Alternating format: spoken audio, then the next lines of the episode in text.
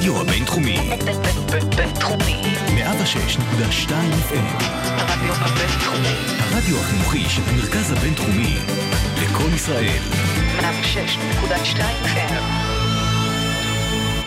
השואה חייבת להוביל אותנו לחשיבה על אודות חיינו הציבוריים, כך אמר יאיר גולן בשנת 2016. ועוד יותר מכך, היא חייבת להוביל את כל מי שיכול, ולא רק מי שרוצה, לשאת באחריות ציבורית.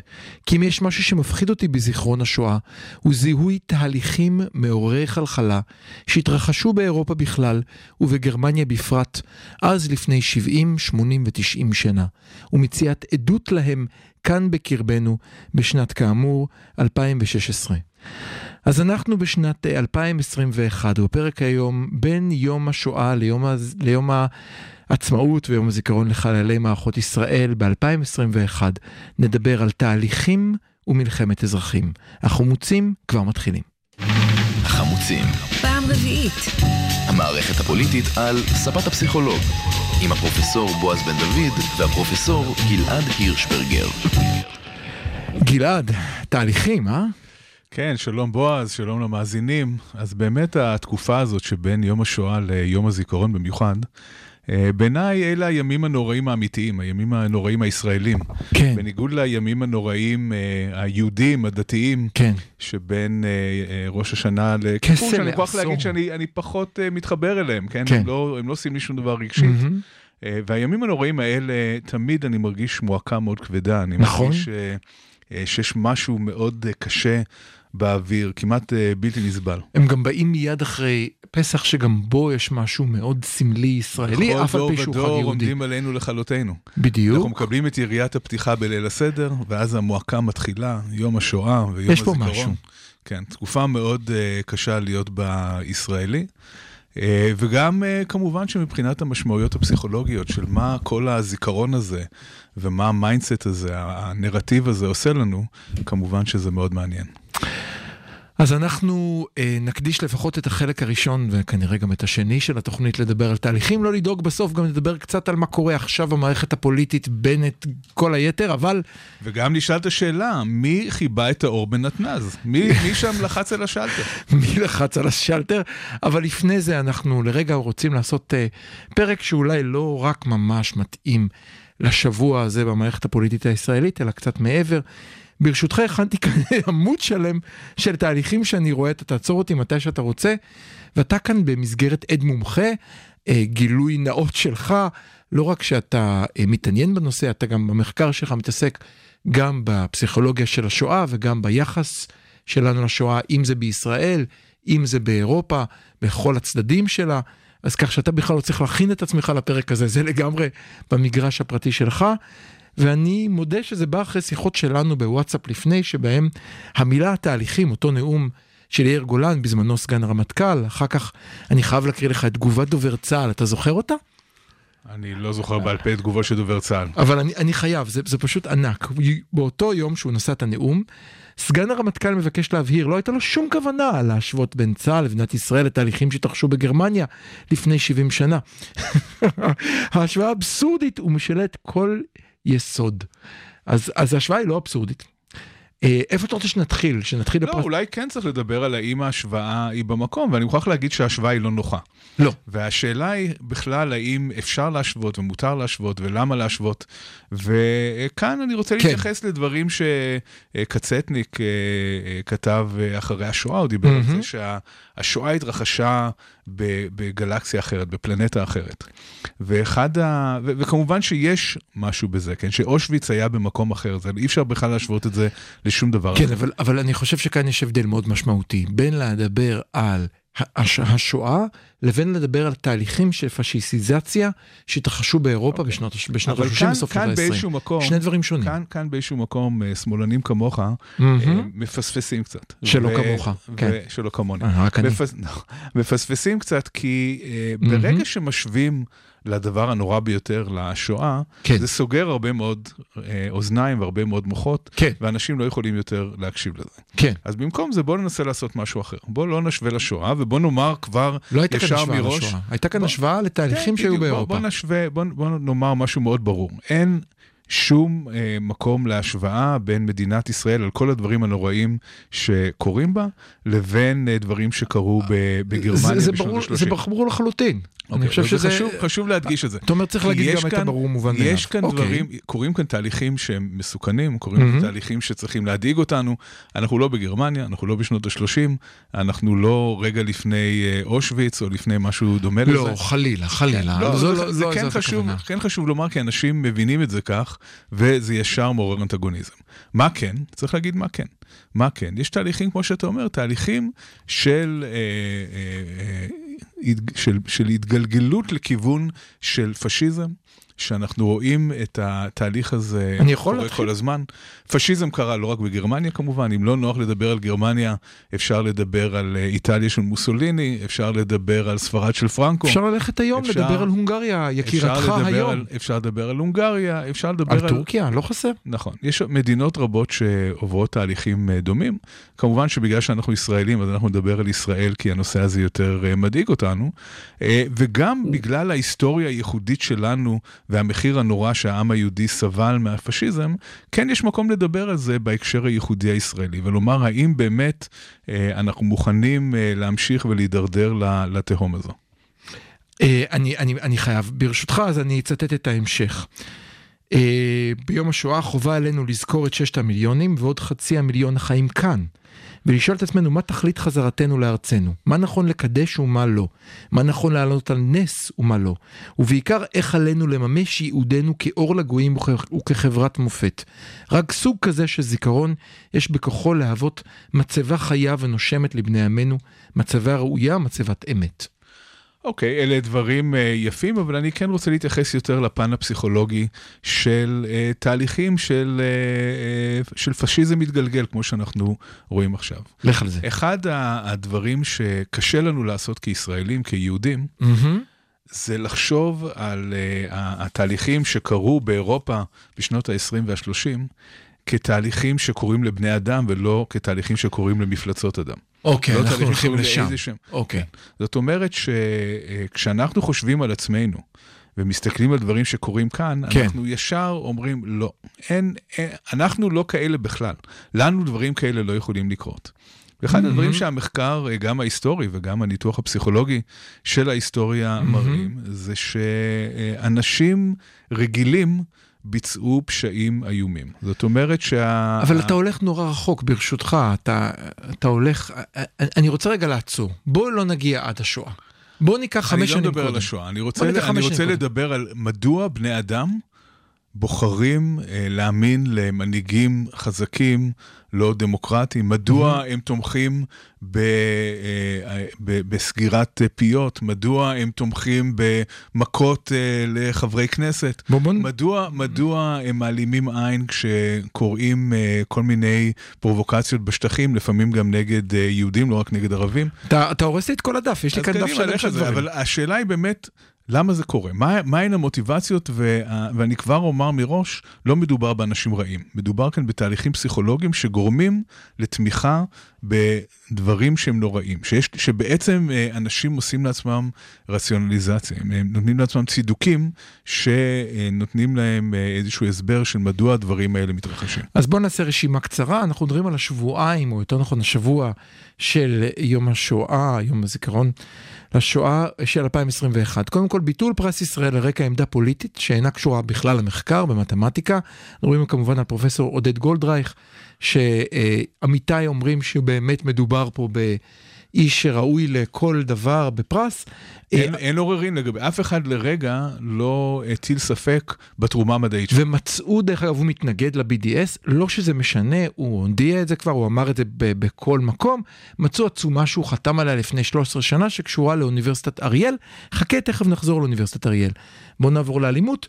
חבר הכנסת עופר כסיף, אה, אה, הוכה, כאן חייבים לומר משהו נורא מעניין עם עופר כסיף, זה בדיוק מתאים לאותו כשעצרו את הקומוניסטים, לא עשיתי כלום כי הייתי קומוניסט. באמת עופר כסיף הוא דמות שקשה לחבב אותה. הוא לא, הוא לא דמות, חב... בוא נגיד, בתוך אה, הרשימה המשותפת, איימן עודה הוא דמות שקל לחבב אותה, גם אם אתה לא מסכים עם עמדותיו. עופר כסיף, לא קל לחבב אותו גם כשאתה מסכים עם עמדותיו. יש, יש לו קצת פדם, אתה אומר. יש שם, לא, לא אמרתי, בכלל לא הייתי משתמש במילה הזאתי, אבל אה, הוא בדיוק ה... כשעצרו את הקומוניסטים לא עשיתי כלום כי לא הייתי קומוניסט. קל להגיד, אוקיי, מרביצים לו מכות, אבל כאן, ינון מגל, עיתונאי, הגדיל ועשה סקר, האם צריך להרביץ לו מכות. אני חושב שעצם זה שאנחנו נותנים מקום לינון מגל, זה לא ראוי. אה, אוקיי, אז אתה נותן מקום לחבר הכנסת לשעבר ואטורי, שאמר סמרטוט מתעסק עם הגב, וככה הוא תיאר את המקום, אתה רוצה שאני אמשיך עוד? אחר כך, אלאור עזריה. אלאור עזריה הורשע בהריגת מחבל, אתה זוכר את כל הסיפור, 11 דקות. בעל המאפייה, יש לומר. אה, היום מקבל שער בעיתון הנפוץ במדינה ליום העצמאות. לא חלילה גיבור צה"ל אחר או משפחה שכולה, משהו ככה שמתחבר ליום הזיכרון ויום, הש... ו... ויום העצמאות. האיש זה אלאור עזריה, שאנחנו זוכרים מה הוא עשה. אה, אלימות בשטחים, אז האלימות הרגילה כבר לא מעניינת אף אחד וכבר לא אה, מטרידה אותנו. אה, אני מזכיר לך, דיברנו על זה שלפני הבחירות, רק מפלגה קטנה ושכוחת אל אחת באה לדרום הר חברון להביע הזדהות עם אותם אלה שעשו בהם פה פוגרומצ'יקים, אין לי דרך אחרת לקרוא לזה, סליחה. כשאתה הולך ובא. ושורף, יופי. אז עכשיו, הרב אשרמן הוכה עם עלה, עכשיו בפוקס היה בסרטון, עכשיו הסרטון הוא מדהים, כן. כי אתה רואה אותו, לא מפסיק להרביץ לו. ואז איזה מישהו בא עם חולצה שכתוב עליה משהו ועושה למצלמה, לא, לא, לא, לא, לא, לא, לא, אל תצלמו, זה לא אנחנו, לא, לא, לא. מה כתוב לו לחולצה? ארגון. הארגון הזה ארגון שמגן על חקלאים בשטחים. התנדבות בארגון הזה מזכה בשתי נקודות זכות אה, אז, אז הוא עשה את זה במסגרת קורס. במסגרת קורס. זאת, זאת עבודת הסיום של הקורס, מה אתה רוצה? זה נקרא, אני חושב שלקורס קוראים התנסות בשדה. התנסות בשדה.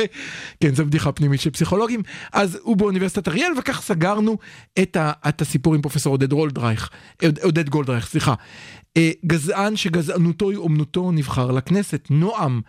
אה, מדברים על נכים ואומרים אה, שכנפיים של קרמבו מעצימים את החלשים על חשבון החזקים. זה אנטי לאומי ואנטי גברי. זה גם לא. כשר, גם כנפיים וגם קרמבו. הבנים, אה, אה, אה, סליחה, אה, באים לידי ביטוי כבהמות מסע חזקות המרימות את הנכים בכיסאות הגלגלים. זה לא גברי לעזור לנכים. נכון, נכון. אנחנו צריכים לאום חזק, מה פתאום נכים? אנחנו באותו שבוע של יום, של יום הזיכרון לשואה, אני כאילו הראש שלי מתפוצץ. היהודים הם קינים, אה לא, סליחה, המפגינים נגד ראש הממשלה הם קינים, אני מתבלבל, עירית לינור, סליחה, התבלבלתי, אנחנו ב-2021. סמוטריץ', ועכשיו טקסט שבעיניי הוא, הוא מופת. אנחנו נעצור שנייה אחת. כל טקסט של סמוטריץ' הוא מופת. בוא, בוא נשמע. לא, אני, אני באמת, אני ישבתי על הטקסט הזה שעה, וזה בסך הכל ציוץ. תראה, שמעתי שאחרי שהרב שמואל אליהו שליטה, אוקיי? שים לב איך הוא מתייחס אליו, אמר שמוסלמי אמיתי צריך לדעת שארץ ישראל שייכת לעם ישראל, נקודה.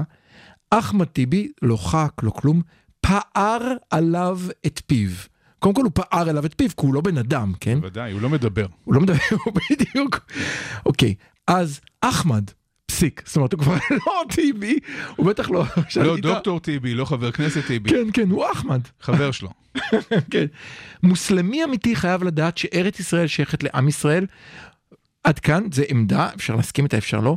ולאורך זמן, ערבים כמוך שלא מכירים בכך, לא יישארו כאן. כן. טרנספר. איום מרומז, לא כך מרומז. חכה, הרב שמואל ורבבות תלמידיו, ובהם אנחנו, לא אני, אנחנו נדאג לכך. ערב יום השואה. תגיד לי, איך הראש לא מתפוצץ? יש לא רק אה, איום, אלא ממש תוכנית ביצוע. יש מי ש- יש מי שיעשה את זה. ו- ואני באמת, אני, אני עוצר כאן, כי היו לי עוד... כל זה קורה בשבוע שלפני יום השואה, וחלקם קורים ממש בערב השואה, כולל, כולל רב יהודי שחוטף, רב שחוטף מכות בעלה. גם, גם היום קראתי משהו מעניין, אני חושב שזה היה מועצת יש"ע, אולי אני טועה, אבל איזשהו ארגון ימני אה, בעצם הגיב לדרישה לחקור את אה, מעשי ישראל בשטחים, מהמם. בבית הדין בהאג, ואמר, הנוכחות של ישראל בשטחים היא טובה לפלסטינים. אוי, ראיתי את זה. ראית את זה? ראיתי את זה, אבל זה כבר יותר אפרטהייד, כי זה הטיעון שנאמר בדרום אפריקה, נכון, אנחנו אבל מה, ש, עוזרים להם. מה שתמיד כן. מעניין בטיעונים כאלה זה שאף פעם לא שואלים את הפלסטינים אם גם הם מסכימים עם זה. לא, כי הם לא מבינים, ולכן הם צריך לא לעזור. מבינים כמה טוב להם, זאת כן, הבעיה. הם לא יודעים כמה זה טוב. אה, אה, גלעד, בכמה דקות שיש לנו, זה בעיקר פריוויו אולי לקטע הבא. איך אנחנו, אה, וכאן אני אולי, אתה, אתה בטח תצחק, אבל בתחושה שלי, יום, לפחות בשבילי, יום השואה הוא מאוד מאוד משמעותי עבורי. ובעיניי הוא, הוא סוג של מסר לעצמי, אני חייב לזכור את שעשה לי עמלק, ולא לכן אני אשמיד את עמלק, לכן אני צריך להילחם בעוולות. לכן אני צריך לשאת את זה על גבי.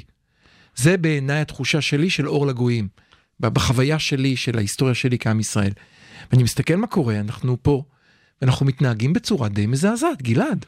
מתנהגים בצורה מזעזעת, וכאן צריך לנסות להבין את הפסיכולוגיה שעומד מאחורי זה. גמרתי ו- לנאום, וכבר. אני, וכבר אני אומר שהאנשים שתומכים בכל הדברים האלה, כל הסמוטריצ'ים וכל הינון מגלים, הם לא בהכרח אנשים רעים מטבעם.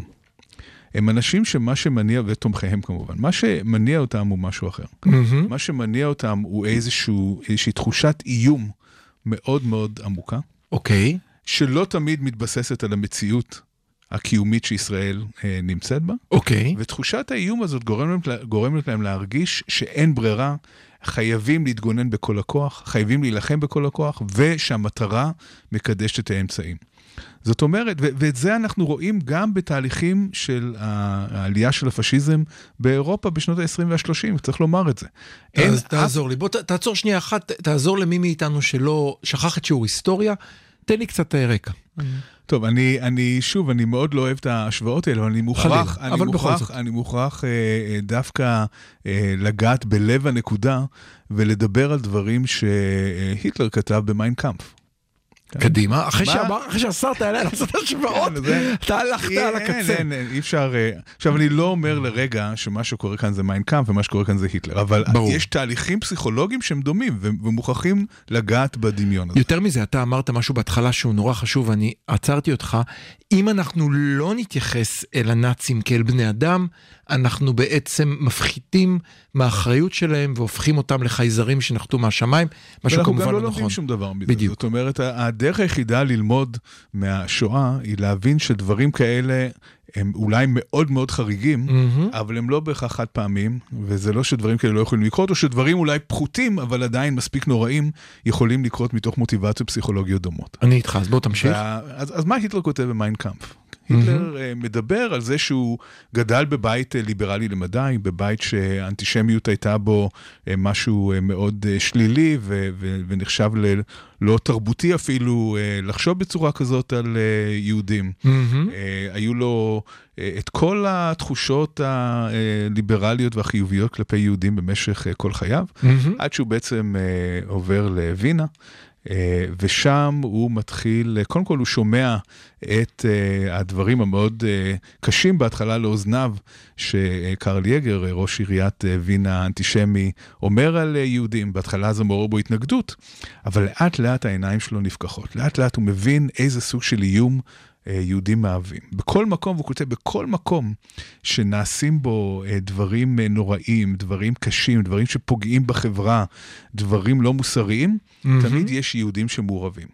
בהתחלה הוא מכחיש את זה, אבל לאט לאט הוא לא יכול יותר לסגור את העיניים שלו. לאט לאט הוא מבין שהיהודים מהווים איום מאוד מאוד משמעותי על החברה הגרמנית, ואין ברירה אלא לטפל באיום הזה. מה אנחנו רואים פה? אנחנו רואים פה בעצם איזשהו תהליך של הצדקה.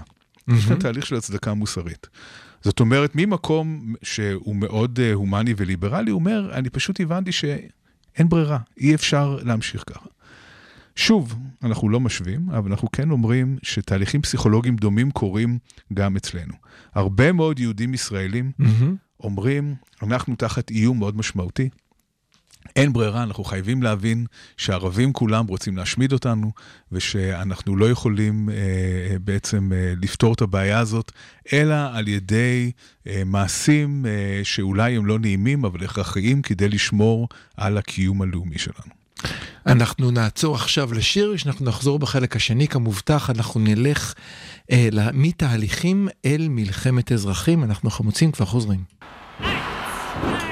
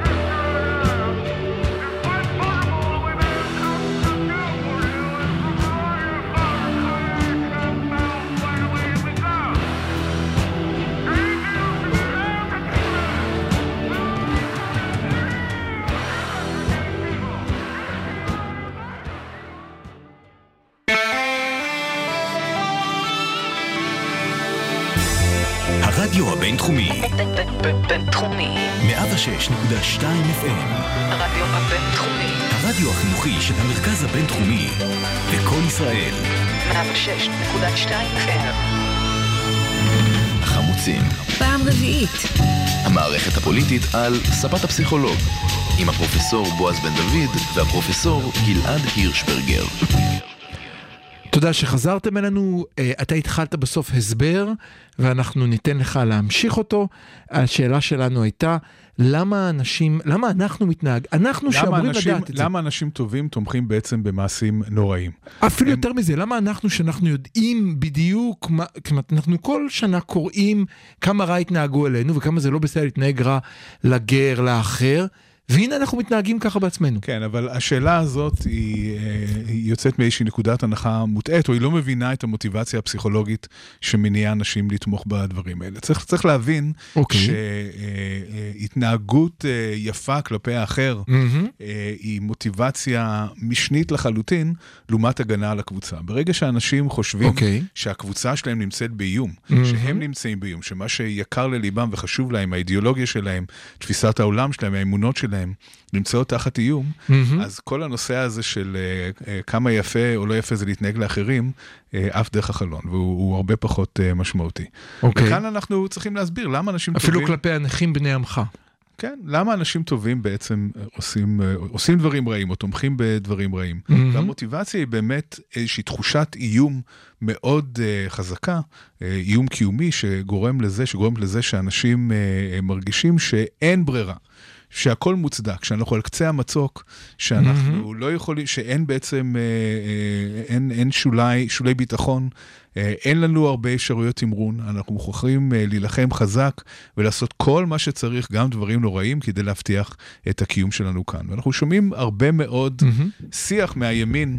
על העניין הזה, אני, אני אמרתי כאן קצה המצוק, ואני גם אומר שבחלק מהמחקר שלי אני מסתכל על מטאפורות קיומיות, מהמם. והמטאפורה החביבה על הימין הישראלי זו באמת מטאפורה שאנחנו על קצה המצוק, אנחנו דחיפה אחת ואנחנו יכולים לעוף מעבר לקצה, ולכן אנחנו צריכים להילחם גם אה, אה, אם אנחנו עושים overshooting ומכים חזק מדי, זה כמובן מוצדק. אז בוא נעצור רק למי שלא מכיר את המחקרים שלך, להבדיל ממני, אתה בעצם אומר את הדבר הבא, בוא נחשוב, המת... כשהמטאפורה שאתה משתמש בה היא לא סתם, אלא היא מתארת משהו משמעותי לגבי ההרגשה שלך למצב, ואפשר לתאר אותנו בכל מיני, בכל מיני מטאפורות. אם אני מרגיש שאני עכשיו כמדינת ישראל על קצה המצוק, או שהערבים הולכים לזרוק אותי לים ואני קרוב קרוב לים, על קצה החוף, אני חייב להילחם, שהיא רק אפשרות אחת. עכשיו, המטאפורה הזאת היא לא רק תיאור של איך שאני חווה את המציאות, מהמם. אלא היא מעצבת את המציאות. כמו שאתה כפסיכולוג קוגניטיבי יודע, כן, עם זה- השערת ספיר וורף, כן, אה, שהשפה השפה מעצבת את החשיבה. ניאו, לא משנה, אנחנו כבר, אנחנו כבר, לא משנה, לא חשוב, לא ניכנס לדקויות. יש לו מה אבל להגיד אוקיי. בנושא, אבל כן. הוא לא רוצה, בסדר.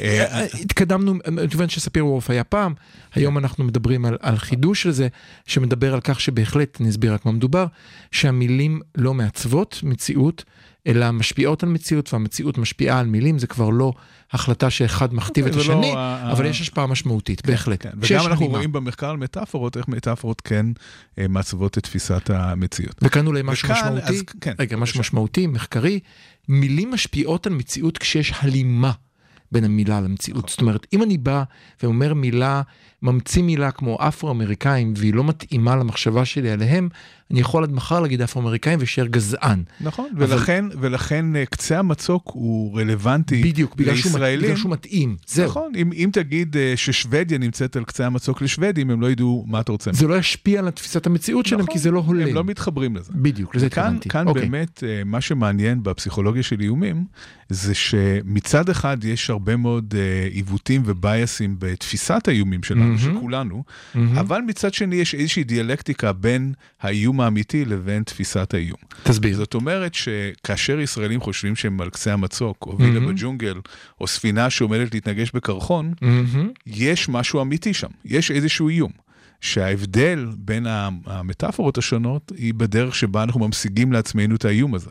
וההמשגה השונה של האיום יכולה לייצר תפיסה שונה של המציאות. אתה השתמשת בהמון מילים, עכשיו תסביר את מה שאמרת לאט. זאת אומרת שאם ניקח ישראלי אחד למשל, שאומר, ישראל נמצאת על קצה המצוק. מה שזה אומר זה שהקיום שלנו הוא מאוד שברירי, שכל דחיפה יכולה להעיף אותנו מעבר למצוק, ושאנחנו מהמם. צריכים להגן על עצמנו בחירוף נפש. אוקיי, אם ישראלי אחר אומר, לא, לא, אנחנו לא על קצה המצוק, אנחנו ספינה שעומדת להתנגש בקרחון, אוקיי. זה אומר שיש איום אמיתי, אם נתנגש בקרחון, אנחנו אה, נושמד, כן? אנחנו אוקיי. לא נתקיים. מהמם. אבל ההגאים נמצאים בידיים שלנו. יש לנו אפשרות לעשות שינוי. אפשר אולי להחליף את הקפטן של הספינה, אפשר אולי אה, אה, לשנות כיוון. אז, אז למרות ששני הישראלים האלה תופסים איזשהו איום קיומי, ויש משהו בחוץ שהוא, קי... שהוא אמיתי, יש איזשהו איום קיומי, מהמם. הדרך שבה הם מבינים את האיום הזה היא שונה לחלוטין. ועכשיו בוא... עכשיו בוא נחזור, בוא לא, לא, נחזור. אני, אני עכשיו חייב לשאול אותך שאלה אישית. מה המטאפורה שאתה מרגיש איתה לגבי ישראל? נכונה לך, לא כחוקר. אז טוב, אז כאן תראה, אני, אה, אה, אתה יודע, אני, אה, אני מזדהה עם מטאפורות שמתאימות לתפיסת העולם שלי, ואנחנו רואים שיש קשר בין מטאפורות לבין תפיסת לא, אבל, העולם. אבל אחת, יש לך רואים- שלישית שמתאימה לך יותר משתיהם? לא, אני חושב שהרעיון של ספינה שעומדת להתנגש בקרחון הוא רעיון ש... קודם כל חשוב להגיד שאין אף מטאפורה שבאמת מתארת את המציאות כפי שהיא. זהו. אבל, אבל המטאפורה של ספינה היא אה, מטאפורה שמוצאת חן בעיניי יות- יותר, מהטעם הפשוט שזה נותן תקווה לשינוי. זאת אומרת, נותן אנחנו... גם כוח, זה אומר שאתה נותן מסוגל לעשות כוח, משהו. זה נותן כן. לנו כוח, אנחנו לא פסיביים, אנחנו לא מהמם. עומדים מול איום שאין לנו מה לעשות שום דבר, אין לנו מה לעשות מולו, אלא אה, יש לנו את היכולת לשנות כיוון ולהימנע מהאיום. האיומים האלה הם לא בלתי נמנעים במטאפורה של הספינה. מהמם. אבל כאן אני רוצה לחזור לשאלה ששאלת קודם, אוקיי. וזה לגבי בני הקבוצה עצמה. מהמם. שהם אה, אה, לא תומכים בצעדים הדרקוניים הקשים ש, אה, ש, שאתה תיארת שנעשים. מהמם. מתהליכים למלחמת אזרחים, הגענו סוף סוף למלחמת אזרחים, תודה נכון. רבה. זאת אוקיי. אומרת, אז, אז בוא נחזור, בוא נעשה את זה דרך המטאפורה. אז לפני המטאפורה שלך, אני רוצה רגע לתאר את הסיטואציה שקורית עכשיו. אנחנו רואים שבשנה האחרונה, אה, השמ- השמאלנים בוגדים, נהיה אה, שלט, פרסומת מקובל, הליכוד הכחיש קשר אליו, נחשף כבר בכמה כתבות שבדיוק מי עשה את זה, מי שילם לו, מה זה אומר. הקשר למפלגת השלטון הוא ברור. ראש הממשלה... אתה אמרת כינים, כל מיני דברים כאלה. זה עכשיו, השבוע, לא, להשתמש ערב יום השואה בלקרוא למפגינים כינים זה קצת סוג של חוסר מודעות, מצד מישהי שהיא או, אינטלקטואלית. או ו- אפקט של framing. יכול להיות. אה, אנחנו, אתה כבר, מה היא חושבת על עצמה, זה לא ניכנס לזה.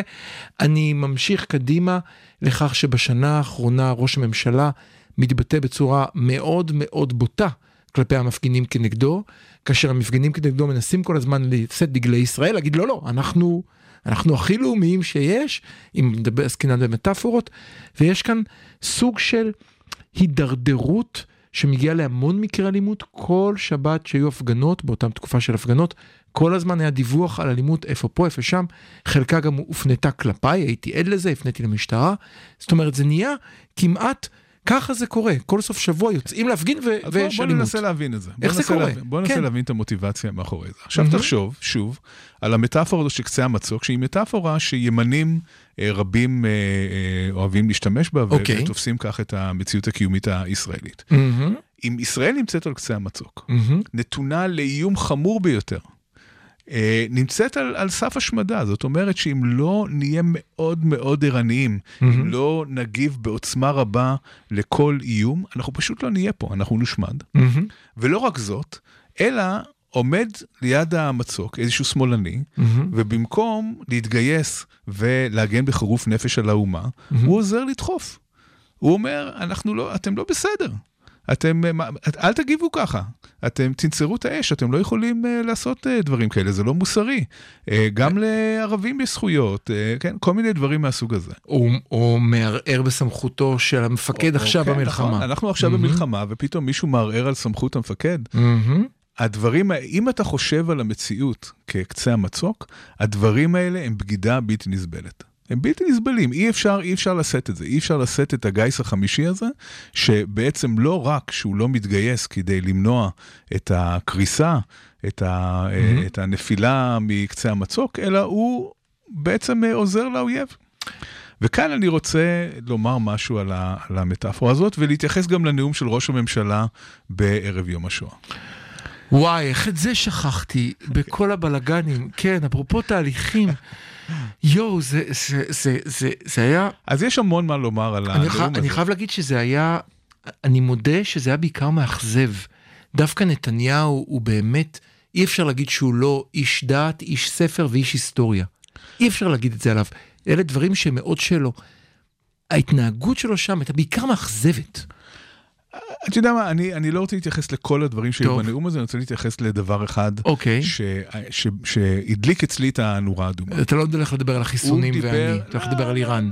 כן, אני הולך לדבר על זה אה, שהוא... אבל זה ישן כבר. לא, לא, אבל זה מאוד חשוב, בגלל שמה תסביר. שנתניהו אמר, הוא אמר, אנחנו לא ניתן יד להסכם שמעמיד את ישראל בסכנת השמדה. זה לא המילים המדויקות, אבל אלה, זה רוח, הדברים שהוא אמר. בהחלט. וכאן אני רוצה אה, להתייחס לראיון שנתן, שכחתי את שמו, אבל אה, אה, מישהו שהוא אלוף בצה"ל, שהוא ממונה על אה, כל נושא איראן. אלוף, אלוף, קוראים לו אלוף פיקוד איראן, זה הבדיח, ככה הבדיחה עליו. אלוף פיקוד כן. איראן, או איך שלא יקראו לו, אהה. שאמר דברים הפוכים לגמרי. הוא אמר, ישראל ערוכה לחלוטין להתמודדות עם איראן. אנחנו לא משתמשים באופציה הצבאית בגלל שיש המון אופציות אחרות על השולחן, ואנחנו מעדיפים לעשות שילוב של אה, מהלכים חשאיים ומהלכים דיפלומטיים, ומה, כן, זאת אומרת, הוא, אבל הוא אמר, אם נגיע לנקודה שבה לא תהיה ברירה אלא להשתמש באופציה הצבאית, אנחנו יכולים לסיים לגמרי את האיום האיראני גם על ידי הכוח הצבאי של ישראל. זאת אומרת, בניגוד לנתניהו שאומר, אם יחתמו על הסכם שהוא לא טוב, אנחנו על סף השמדה, מהמם. בא האלוף הזה ואומר, לא, אנחנו ממש לא שם, אנחנו רחוקים משם. וזה, ובכירים רבים במערכת הביטחון התבטאו בשנים האחרונות בצורה דומה. האיום האיראני הוא איום משמעותי, לא צריך להקל בו ראש, אה, צריך בהחלט לפעול אבל? נגדו במישורים שונים, אבל מדינת ישראל לא נמצאת תחת סכנה קיומית. וזה, ו- ו- וזה מאוד חשוב בשביל המטאפורה הזאת של קצה המצוק. אז כאן אני חייב אה, לעצור אומרת- אותך שנייה אחת, מדובר כן. באלוף טל קלמן, טל קלמן, נכון. אתה יודע שנבחר עכשיו, הציטוט שלו, ש... וכאן אני שואל אותך, אני לא מצליח לבון, ישראל היום, שהוא לא חשוד לרגע כעיתון שאינו מהדהד את כל מה שרוצה ראש ממשלה, אמר לישראל בכותרת, ישראל יש יכולת להשמיד כליל את תוכנית הגרעין של איראן. נכון, הוא אומר את זה בריאיון, והוא אומר, זאת אומרת, הסיבה... יותר חמורים מזה, זה רק כן, כן, הכותרת. הוא אומר, הסיבה כן. שאנחנו לא עושים את זה, זה שזה לא חכם לעשות את זה כרגע. כן? כן. ש, שזה בעצם האופציה האחרונה, זה במידה וכל שאר הדברים כן. לא יעבדו, אז יש את האופציה הזאת. כלומר. בניגוד למטאפורה הזאת של קצה המצוק, מה שקלמן אה, אומר כאן, מהמם. זה שלישראל יש מרחב פעולה עצום. אוקיי. יש לה המון המון אופציות על השולחן. יש לה המון המון אמצעים והמון דרכים, ושאנחנו חזקים בסיפור הזה. אנחנו יכולים לסיים את זה אם אנחנו רוצים, אוקיי. אבל אנחנו עושים את זה בדרך שלנו, בדרך הטובה ביותר, שבה אנחנו אה, נקבל את התמורה הגבוהה ביותר על המאמצים שלנו, ולא נעשה איזשהו אקט אה, אלים טיפשי שיעלה בהרבה קורבנות אה, לא הכרחיים, כל עוד אפשר להשתמש באמצעים האחרים. סיפור אחר לגמרי מה שנתניהו אומר ב- בטקס ובכל זאת זה. כותרת בישראל היום, איך זה יכול נכון, להיות? נכון. זה בניגוד למה שהם אומרים. הוא בכל זאת אמר את זה, הוא בכל זאת אוקיי. אמר את זה, ואי אפשר להתעלם ממה שהוא אמר. מה שאני מנסה להגיד כאן, כן. זה שאם אנחנו מסתכלים על הדברים שאומר האלוף קלמן, כן. אז מטאפורת קצה המצוק היא לא מטאפורה כל כך מתאימה. אנחנו לא נמצאים שם. אנחנו לא היהודי אה, בשואה שנמצא באמת על קצה המצוק. אנחנו מדינה אה, חזקה, אה, אולי החזקה ביותר. ב... אה, אהוד ברק תמיד אומר, ברדיוס של 2,000 קילומטר מתל אביב, אין אף מדינה שיכולה לישראל, וכנראה שזה המצב. יפה, מטאפורה מעניינת, כן. כן, כנראה שזה, כנראה שזה המצב, ואז. כן. המטאפורה של קצה המצוק היא לא מתאימה, ואז כן יש מקום להכיל גם אנשים שחושבים אחרת. אם באמת היינו על קצה המצוק, ופתאום באמצע mm-hmm. מלחמת קיום שזה או לחיות או לחדול, פתאום מישהו בא ומבקר, כן. אולי, אולי באמת יש בזה משהו אה, בעייתי, אבל מכיוון שאנחנו לא שם, הביקורת היא ביקורת מאוד חשובה. אז אני כאן רוצה לעצור אותך. אני רוצה לשאול אותך שאלה אה, מכיוון אחר. בוא ניקח את השמאלני. אה, אותו אחד שבאמת, ואני מכיר כזה אחד שגר בבלפור, זאת אומרת, כמעט העביר את מקום מגוריו, ובכל מקום נמצא. הוא אומר, אני על קצה המצוק. הדמוקרטיה הישראלית וחיי פה על קצה המצוק. הוא אומר, מחר שקשוק הרכבות מגיע ולוקחים אותי למחנה חינוך מחדש. גורל ילדיי בסכנה. למה אם זה המצב, אתה לא רואה אותו בא, לוקח עליו ומפליא בה את מכותיו על ארבעת התומכי ביבי שמגיעים לבלפור מול אה, אלפי האנשים שעומדים מולם. למה זה לא קורה? טוב, קודם כל, הוא באמת ברמה האישית על קצה המצוק. כן, אנחנו גם רואים מבחינה פוליטית וגם מבחינה משפטית, הוא, הוא חווה את החוויה הזאת בצורה החזקה ביותר ועוצרים האפשרית. אותו ולוקחים, אני, זה בן אדם, לא נגיד את שמו, אה, עוצרים אותו. אני, אני חשבתי שנדבר על נתניהו כרגע. אה, שיחקת אותה. אבל לא. נתניהו, נתניהו חווה את המציאות כן. קצה המצוק, כי המציאות האישית שלו היא באמת על כן. קצה המצוק, הוא כל הזמן הולך על קצה המצוק. אבל אבל מכיוון שאני חושב שנתניהו יותר מעניין ממי שאתה לא, מתייחס אבל אליו. לא, אני חייב לשאול למה שמאלנים אם כך לא יוצאים ומפליאים מכותיהם באחרים. לא, עזוב אותך אה, אלה שמחזיק, יושבים במשרד. בטח אותם אלה שכל יום הולכים, למה הם לא מוציאים עלה? למה כל יוצאי, איך אמרת פעם, דיברת על הפרדוקס, שנכנסים לשב"כ אה, עם סכין ויוצאים עם עלה, עם עלה זית בין השיניים? למה כל אלה שיודעים לא לוקחים עלה ומפליאים מכותיהם? למה שהם יעשו דבר כזה? כי הם על קצה המצוק, אמרת שמי שעל קצה המצוק... לא, אבל דווקא השמאל הישראלי לא חווה את המציאות בצורה כזאת. לא, הוא חווה את המציאות על קצה המצוק בקשר של דמוקרטיה. הדמוקרטיה לא, הולכת. לא, השמאל הישראלי לא משתמש במטאפורה הזאת. השמאל הישראלי בצורה ברורה משתמש במטאפרה שספינה שעומדת להתנגש גם בקרחון. כלפי הדמוקרטיה. כלפי כל דבר. זאת אומרת. שההבנה שאלימות כאן לא תעזור ושאין פתרון אלים לסכסוך ולבעיות של גם ישראל. בתוך מלחמת האזרחים גם הזאת. אני לא חושב שיש מישהו, אני מקווה שגם בימין אין הרבה, אבל בשמאל בוודאי שאין אף אחד, אה, חוץ מאולי שאולי מארץ נהדרת שמייחל אה, מלחמת אזרחים. הוא לא, אני, לא, אני לא חושד בו בשמאלנות דווקא, אם אתה זוכר, אשתו, אתה זוכר במערכון הנפלא, אשתו מספרת על ההצבעה שלה, כן. שרצה לא, היטב, אבל כן. בתור אה, תוכנית טלוויזיה זה לא כן. בדיוק תוכנית ימנית. אבל, אבל אני חושב שיש כאן אה, משהו מהותי ממה שאתה אומר. אין ספק שיש אנשים שעכשיו עושים מכות. הולכים על מכות והולכים על אלימות, אנחנו רואים את זה, והם לא ספורים. לא. האלימות נובעת מתוך תחושה של לחיות או לחדול. אבל שאין ב- שום ברירה שהעופר כסיפים של העולם הם אה, בעצם מהווים סכנה על- לעצם קיום אבל המדינה. אתה אומר, עופר כסיף לא מרגיש כלפי הדמוקרטיה, או כלפי המשך אה, כי אה, עזוב דווקא עופר כסיף, בוא ניקח אותו כקצה, בוא ניקח... אני חושב שדווקא עופר כסיף הוא דוגמה טובה. אני חושב שהעופר אוקיי. כסיפים של העולם הם אנשים שמסתכלים על, ה- אני אשתמש במטאפורה אחרת, הם מסתכלים על המציאות כריצת מרתון. הם אוקיי. מבינים, הם מבינים שהמצב כרגע הוא קשה, הם מהמם. מבינים שכרגע כל הכוחות וכל הקלפים פועלים אה, נגדם, הם מבינים שבעתיד הנראה לעין אין שום סיכוי שהכוח הפוליטי שלהם אה, יגדל ושהם יצליחו לשכנע אחרים. ב- בתפיסת העולם שלהם, בתובנות שלהם, אבל הם אומרים, הזמן יעשה את שלו. הם אומרים, אנחנו צריכים להילחם את המלחמה הזאת, ובסופו של דבר, המציאות, התוצא, התוצאות של המעשים שנעשים היום, יובילו הרבה אנשים להתפכח ולהבין שזו לא הדרך. אנחנו חייבים עכשיו לחתוך לשיר, אבל, אבל אתה, אתה רפררת עכשיו למשהו נורא מעניין, כי במה שאני מכיר מתפיסת היהדות, אנחנו שרשרת ארוכה, כל דור דור מוסיף, זאת אומרת, ריצת המרתון אמורה לבוא דווקא מהצד היותר באה גם אמוני מהצד- ימני. גם מהצד השני היא באה.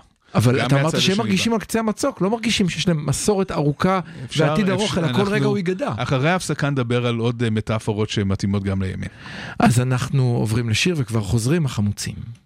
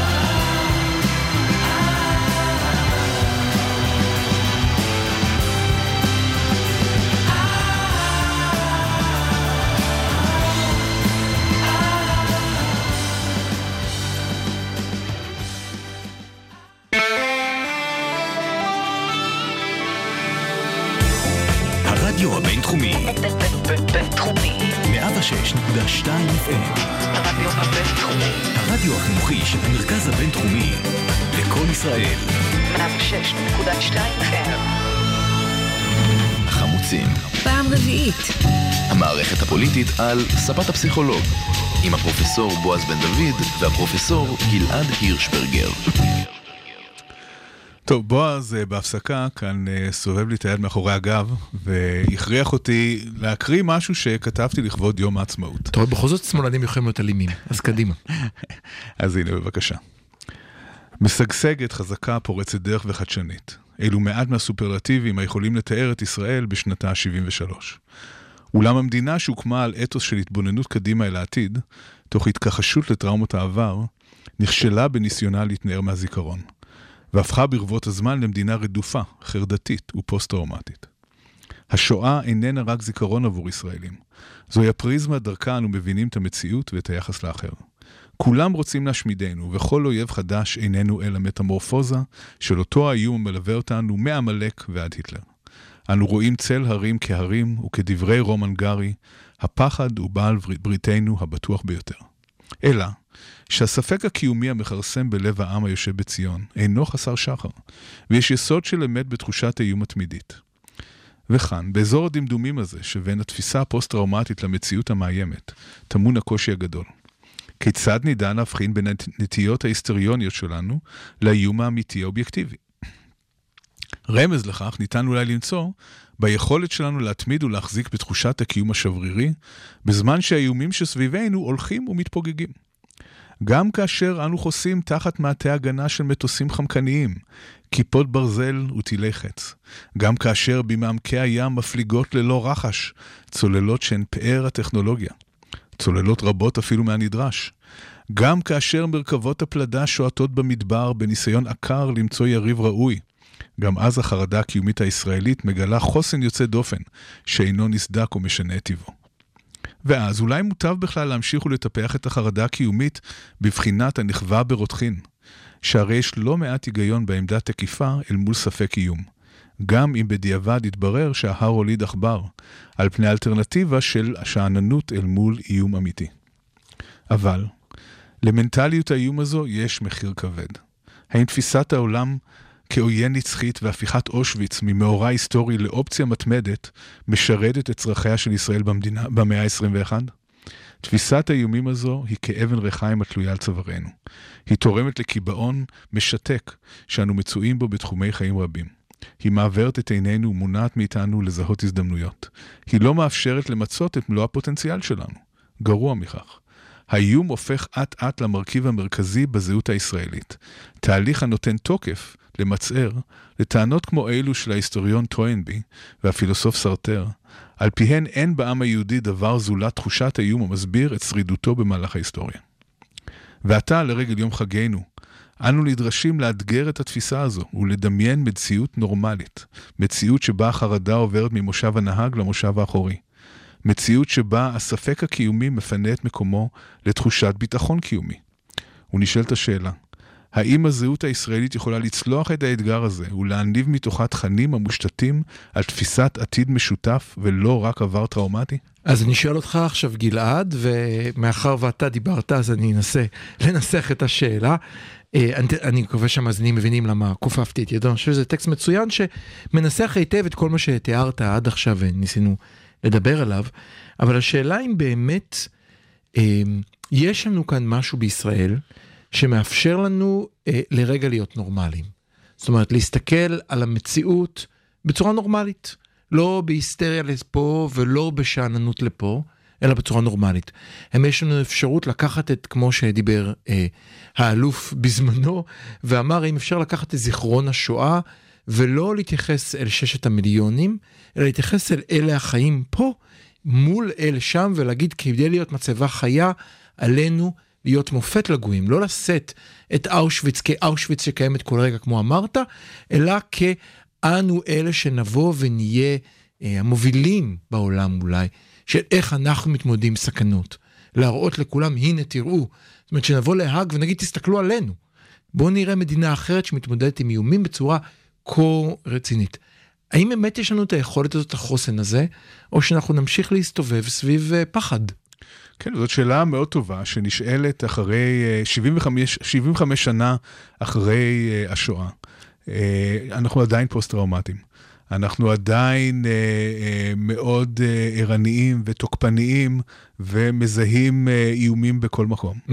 ומוכרח, ואני מוכרח להגיד שיש בזה גם פן שהוא מאוד אדפטיבי. אוקיי. זאת אומרת שעם, ו- וכאן אה, צריך לציין משהו נורא מעניין לגבי העם היהודי, המעבר משואה לתקומה, אם תרצה. אוקיי. העם היהודי אה, הוא עם שהיה חסר הגנה אה, בצורה אולי קיצונית באירופה. זאת אומרת, אם מסתכלים על קהילות יהודיות באירופה, נכון. לא היה שם שום, שום מערכת הגנה. כן. אה, לא, היה, לא הייתה כיתת כוננות, לא היה מגדל שמירה, כן. לא היה להם איזה מחסן עם אה, מצ'טות וגרזנים. לא, לא הייתה שום דרך להגן גם- על, גם- ה, על הקהילות היהודיות. גם דרך ההגנה הייתה כזאת קצת דרך של... ההגנה הייתה של תפילה. לא, לא, היו שני דרך דברים, סליחה. ההגנה הייתה של תפילה. גם תפילה וגם גם ניסיון to tend and befriend. בוא נדבר עם הפריץ, נראה מה אפשר לא, לעשות. גם, לפעמים זה גם עבד.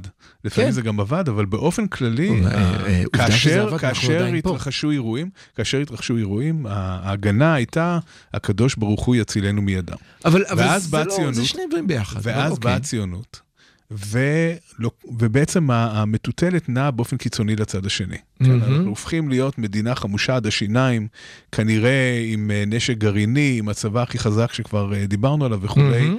אה, וכולי, אבל מבחינת המנטליות שלנו, אנחנו עדיין לא מרגישים... אבל זה. סוג של דואליות, אני חייב לחתוך את זה, זו דואליות נורא מעניינת בימין הלאומי, או הלאומני, איך שתרצה לקרוא לו. מצד אחד עושים מצעדים שבהם יש שיר נפלא לבילויים על זה, על המצעד שבו רואים את הגופות לצד התותחים שצועדים להם אה, בזה שהם... תראו כמה אנחנו חזקים, מצד שני אנחנו נורא חלשים. איך אתה מתמודד עם הדואליות הזאת? נכון, אז כאן זה בדיוק הדבר המעניין, וכאן נכנסת הפסיכולוגיה. אה, גם אם אה, יהיו לנו עוד 20 צוללות. אה, וגם אם נרכוש את כל ה-F-35 בעולם, זה עדיין לא ישנה את הפסיכולוגיה הקיומית אבל זה- היהודית-ישראלית, שמרגישה כל הזמן שהאיום, שה- שהקיום נמצא אה, תחת אה, איום, מהמם. ו, אה, וכאן, אה, חוץ מהרבה דברים אחרים, נדרש גם זמן. והשאלה אם 75 שנה אחרי השואה, אנחנו נמצאים במקום שבו אנחנו יכולים כבר להתחיל לחשוב על עצמנו בצורה שונה. האם יש אפשרות שנתחיל לייצר זהות שלא מושתתת רק על אה, איום? אני רוצה שוב אה, להתחבר למערכון הנפלא של שאולי, שמדבר כן. על זה. שבעצם אה, התקבצו כאן כל מיני אנשים שהמחנה המשותף היחידי ביניהם זה שרצו לרצוח אותם במקום שהם כן. אה, היו בו. אז אה, מעבר לבדיחה, יש בזה איזושהי מידה של אמת, ואחד הדברים שלא לגמרי הצלחנו לעשות, ואולי אנחנו בתוך התהליך הזה, זה לגבש איזושהי זהות שמושתתת על משהו אחר, איזשהו מחנה משותף שלא מושתת רק על בכל דור ודור עומדים עלינו אז לחלוטין. אני חייב לעצור אותך למרות שזמננו קצר, תראה, גם, גם, גם המיתולוגיה של ארצות הברית מבוססת על כך, bring me the meek, תביאו לי את כל אלה שברחו, ובאמת, ארצות הברית בהתחלה הוקמה מכאלה שברחו מצרות מפה, או מרדיפות דתיות, אפרופו, והגיעו הברית כן, להקים משהו אבל חדש. האתוס האמריקאי, מהמם. המרכיב המרכזי שלו, כן. זה העניין של חירות. אוקיי. זאת אומרת, כן, אה, הגיעו אה, כל מיני אנשים מכל מיני מקומות, מהמם. אבל ארה"ב היא מגינת החירות אה, העולמית, אה, היא גם רואה את עצמה ב- בכל פעולותיה בעולם כמי שמביאה את החירות וגורמת לדמוקרטיזציה. כמובן שיש פערים לא קטנים בין ברור. האתוס לבין המציאות, ברור, ברור. אבל האתוס הזה הוא אתוס חיובי. כמה, שה, כמה שהזהות האמריקאית אפשר להגיד שהיא שטחית ואין לה אולי את העומק שיש לזהות הישראלית, הזהות כן מושתתת על משהו שבסופו של דבר הוא חיובי. אה, חירות, אה, שוויון, זכויות אדם. אז למה הזהות וכו'. שלנו לא יכולה להיות אנחנו, אני חושב רגע על אותם יהודים אמריקאים, תשים לב ליהודים אמריקאים, שואלים אותם מה זה היהדות בשבילך, זה בדיוק אנחנו נהיה אור לגויים, כן. זה אנחנו נצא לאפריקה להתנדב. אפילו אמרת את זה במבטא אמריקאי, בכוונה. כן, אה, כן, תיקון עולם. תיקון עולם תיקון זה... עולם, תיקון כן. עולם למשל זה מושג שאתה שומע המון מיהודים אמריקאים, ולא נכון. תשמע אף פעם מיהודים ישראלים. ישראלי לא ידע על מה אתה מדבר, כי מסכים איתך. יהודים ישראלים עסוקים בהישרדות. הם, הם עסוקים בהישרדות בתוך מוחם, זה לא ש, שבהכרח אנחנו באמת במלחמת ההישרדות הזאת, מהמם. אלא אנחנו, המנטליות היא מנטליות של בכל דור ודור עומדים עלינו לכלותנו. אנחנו לא נוכל להשתחרר מזה אה, כמובן אה, בהרף עין אה, בן מהמם. לילה, אבל הגיע הזמן אולי להתחיל לחולל תהליכים של יצירת מחנה משותף בין כל הקבוצות השונות בחברה הישראלית, מחנה משותף שמושתת על משהו שהוא קצת יותר חיובי, איזושהי זהות ישראלית משותפת שהיא לא רק אה, אה, סביב העבר הטראומטי ולא רק סביב זה שכולם רוצים להרוג אותנו. שוב, אני, אני חייב לשאול אותך שאלה. איך אפשר לייצב בתוך נאום אחד, אם נחשוב על נאום של למשל ראש הממשלה היחיד שהבנות שלי מכירות, כי הם לא, מעולם לא היה להם ראש ממשלה אחר, אמ, מצד אחד לדבר על מדינת פאר של הייטק, מצד שני לא לתת לאיש שבזכותו יש לנו מדעי המחשב פרס ישראל. מצד אחד להגיד אנחנו מצוללות הכי טובות, מצד שני להגיד עוד שנייה איראן מחסלת אותנו.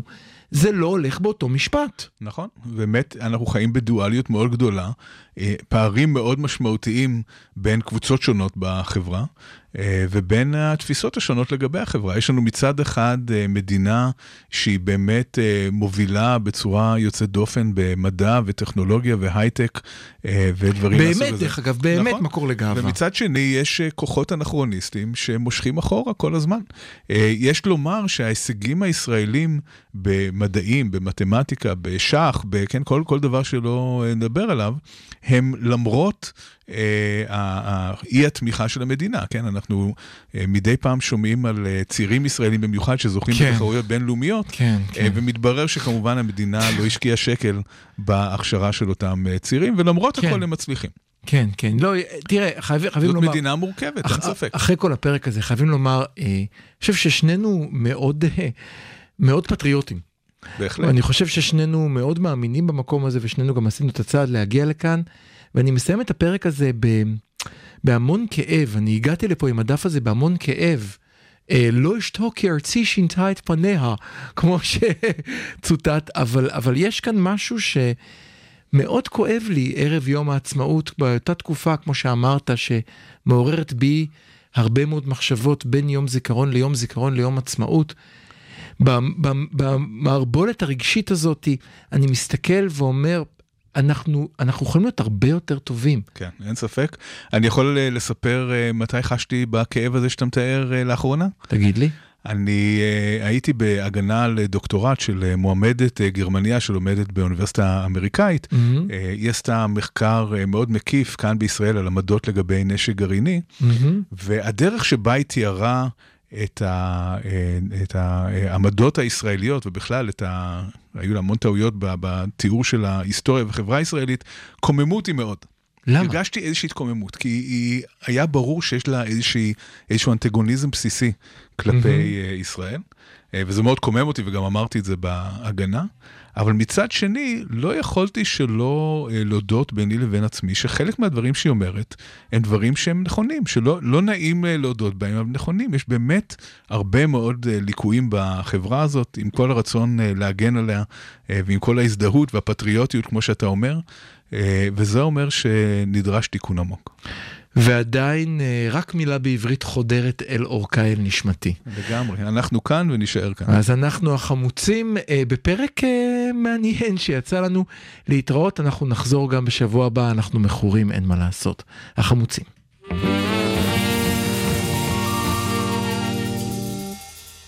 ערביי